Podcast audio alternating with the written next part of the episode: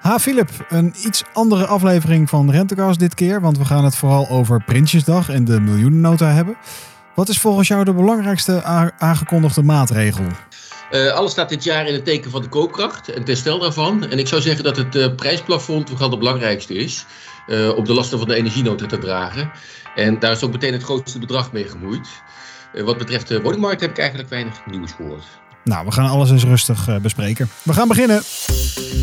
Welkom bij Rentecast, de podcast van Florius, waarin we met Philip Bokkelo, senior econoom bij het economisch bureau van ABN AMRO, de hypotheekrenteverwachtingen doornemen. Stijgen, dalen, korte termijn, lange termijn, historische perspectieven, alles komt voorbij om jouw klanten van advies te voorzien of om hun vragen te beantwoorden. Ja, Philip, wat veel mensen misschien niet weten is dat wij ons gesprek altijd voorbespreken. Uh, we spraken elkaar gisteren en uh, toen zei je al, ja, deze miljoenennota gaat vooral om koopkrachtbehoud van met name de lagere inkomens.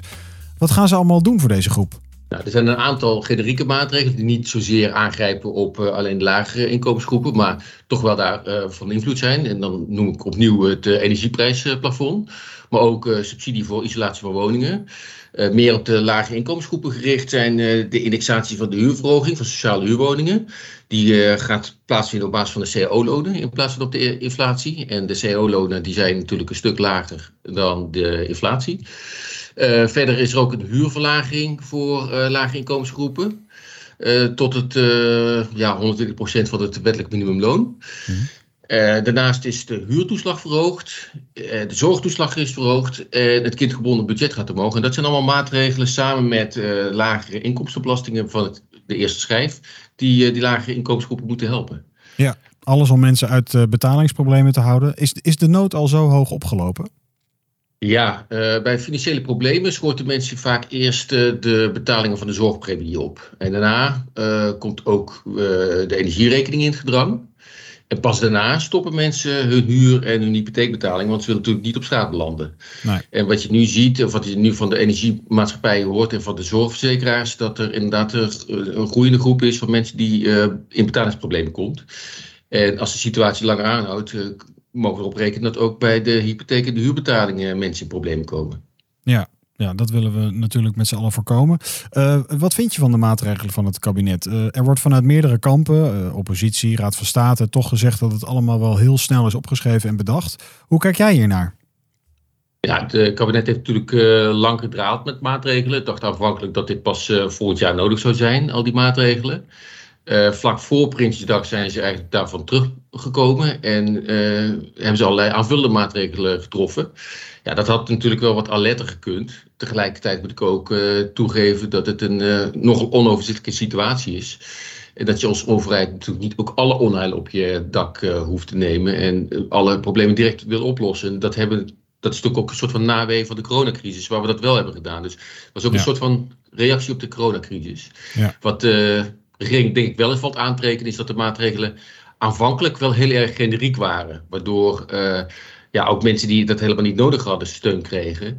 En uh, ja, in een situatie waarin de inflatie hoog ligt, moet je eigenlijk uh, niet de economie stimuleren op zo'n manier. Want dat is wat je doet. Mm-hmm. Bovendien uh, verspil je op deze manier ook collectieve middelen. Dus wend je middelen aan voor groepen die het misschien niet nodig hebben. Dus dat had anders gekund. Ja. Wordt er voldoende gedaan aan de huisvestingsproblematiek, vind jij? Want je zei net al van, of voor de woningmarkt heb ik niet heel veel nieuws kunnen ontdekken.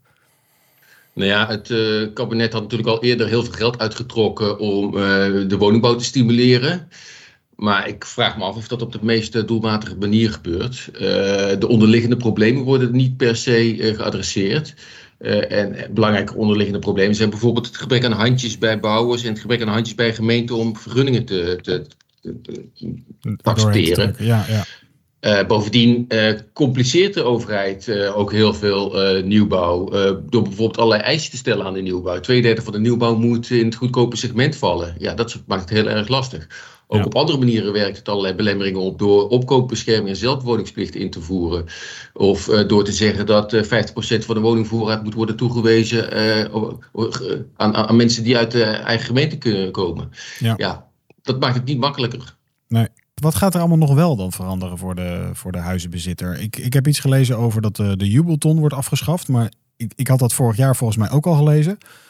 Um, hoe zit dat? Ja, die afschaffing van de jubelton, dat was natuurlijk eigenlijk al lang uh, bekend. Dat wilden ze eigenlijk ook al sneller doorvoeren, maar dat was uh, per ingang van 2023 nog niet mogelijk. Dus ze hebben dat nog een jaartje opgescoord. Per 2024 wordt het daadwerkelijk uh, afgeschaft. Ja. Volgend jaar gaat het bedrag omlaag van 100, zeg 107 naar 26.000 euro. Ehm, ja, en de reden daarvoor is dat, dat die schenkingsvrijstelling eigenlijk vooral prijsbedrijvend werkt in een krappe markt. En bovendien vergroot het de ongelijkheid tussen starters met vermogende ouders en starters met uh, minder vermogende ouders. En tussen uh, koopstarters en huurstarters. Dus wat dat betreft was die jubelton ook niet meer zo uh, ja, gewenst binnen het beleid. Nee, nee. En gaat er verder nog wat veranderen voor de huizenbezitter? Nou, qua staand beleid niet echt. Nee, nee. Wat wel dan nog verandert is dat de inkomstenbelasting omlaag gaat. Zijn we nu de transitie van hogere inkomstenbelasting naar hogere vermogensbelasting nu echt uh, aan het starten? Ja, nou ja, de regering stuurt, studeert op, ja, op een hervorming van box 3. Ja. Uh, daar wordt nu het vermogen op forfaitaire basis, dus op basis van fictief rendement, uh, belast. Het plan is om dat te veranderen en over te stappen op meer werkelijk, werkelijk genoten rendement. Ja. ja, lange tijd werd gezegd van ja, dat is te ingewikkeld. Maar op zich in de VS werkt dat stelsel prima. Dus, uh, en nu zegt ook de regering van ja, de datakwaliteit neemt ook toe. Waardoor dat misschien ook in de toekomst voor ons makkelijker wordt. Dus daar wordt op gestudeerd. En uh, ja, de kans bestaat dat dat dan ook uh, gevolgen zal hebben voor, voor het eigen woningbezit. Maar dat, hoe dat precies zal uitpakken, dat is nu nog niet bekend. Het zal dan ook pas na, de, na deze regeerperiode worden doorgevoerd als er als er al iets komt.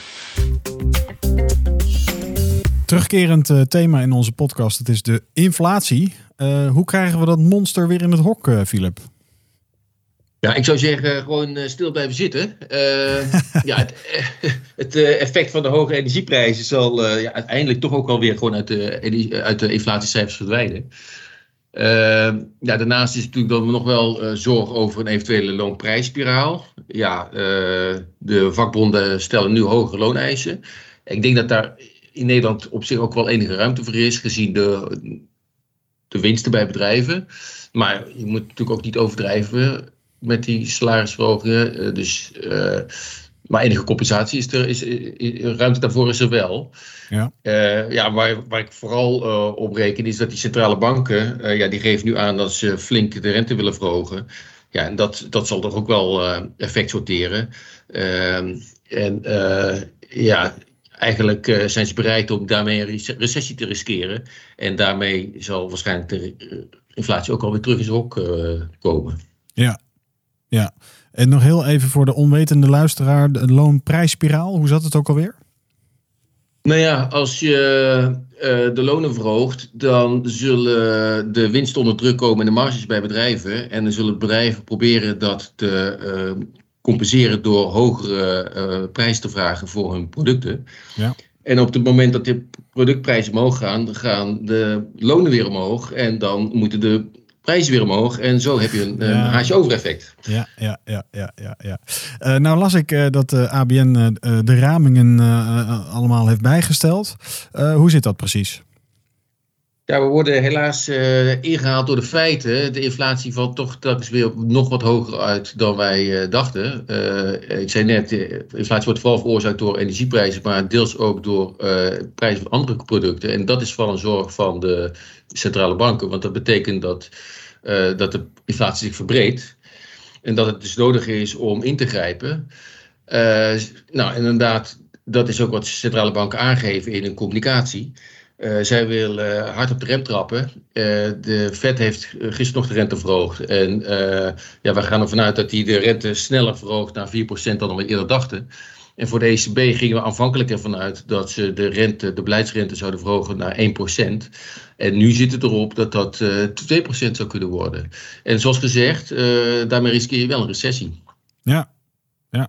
Als ik er als leek naar kijk, dan, dan zie ik eigenlijk gewoon een totale disbalans. Want normaal gesproken dan gaan onzekere tijden uh, gepaard met werkloosheid, faillissementen, een woningmarkt die op zijn gat ligt.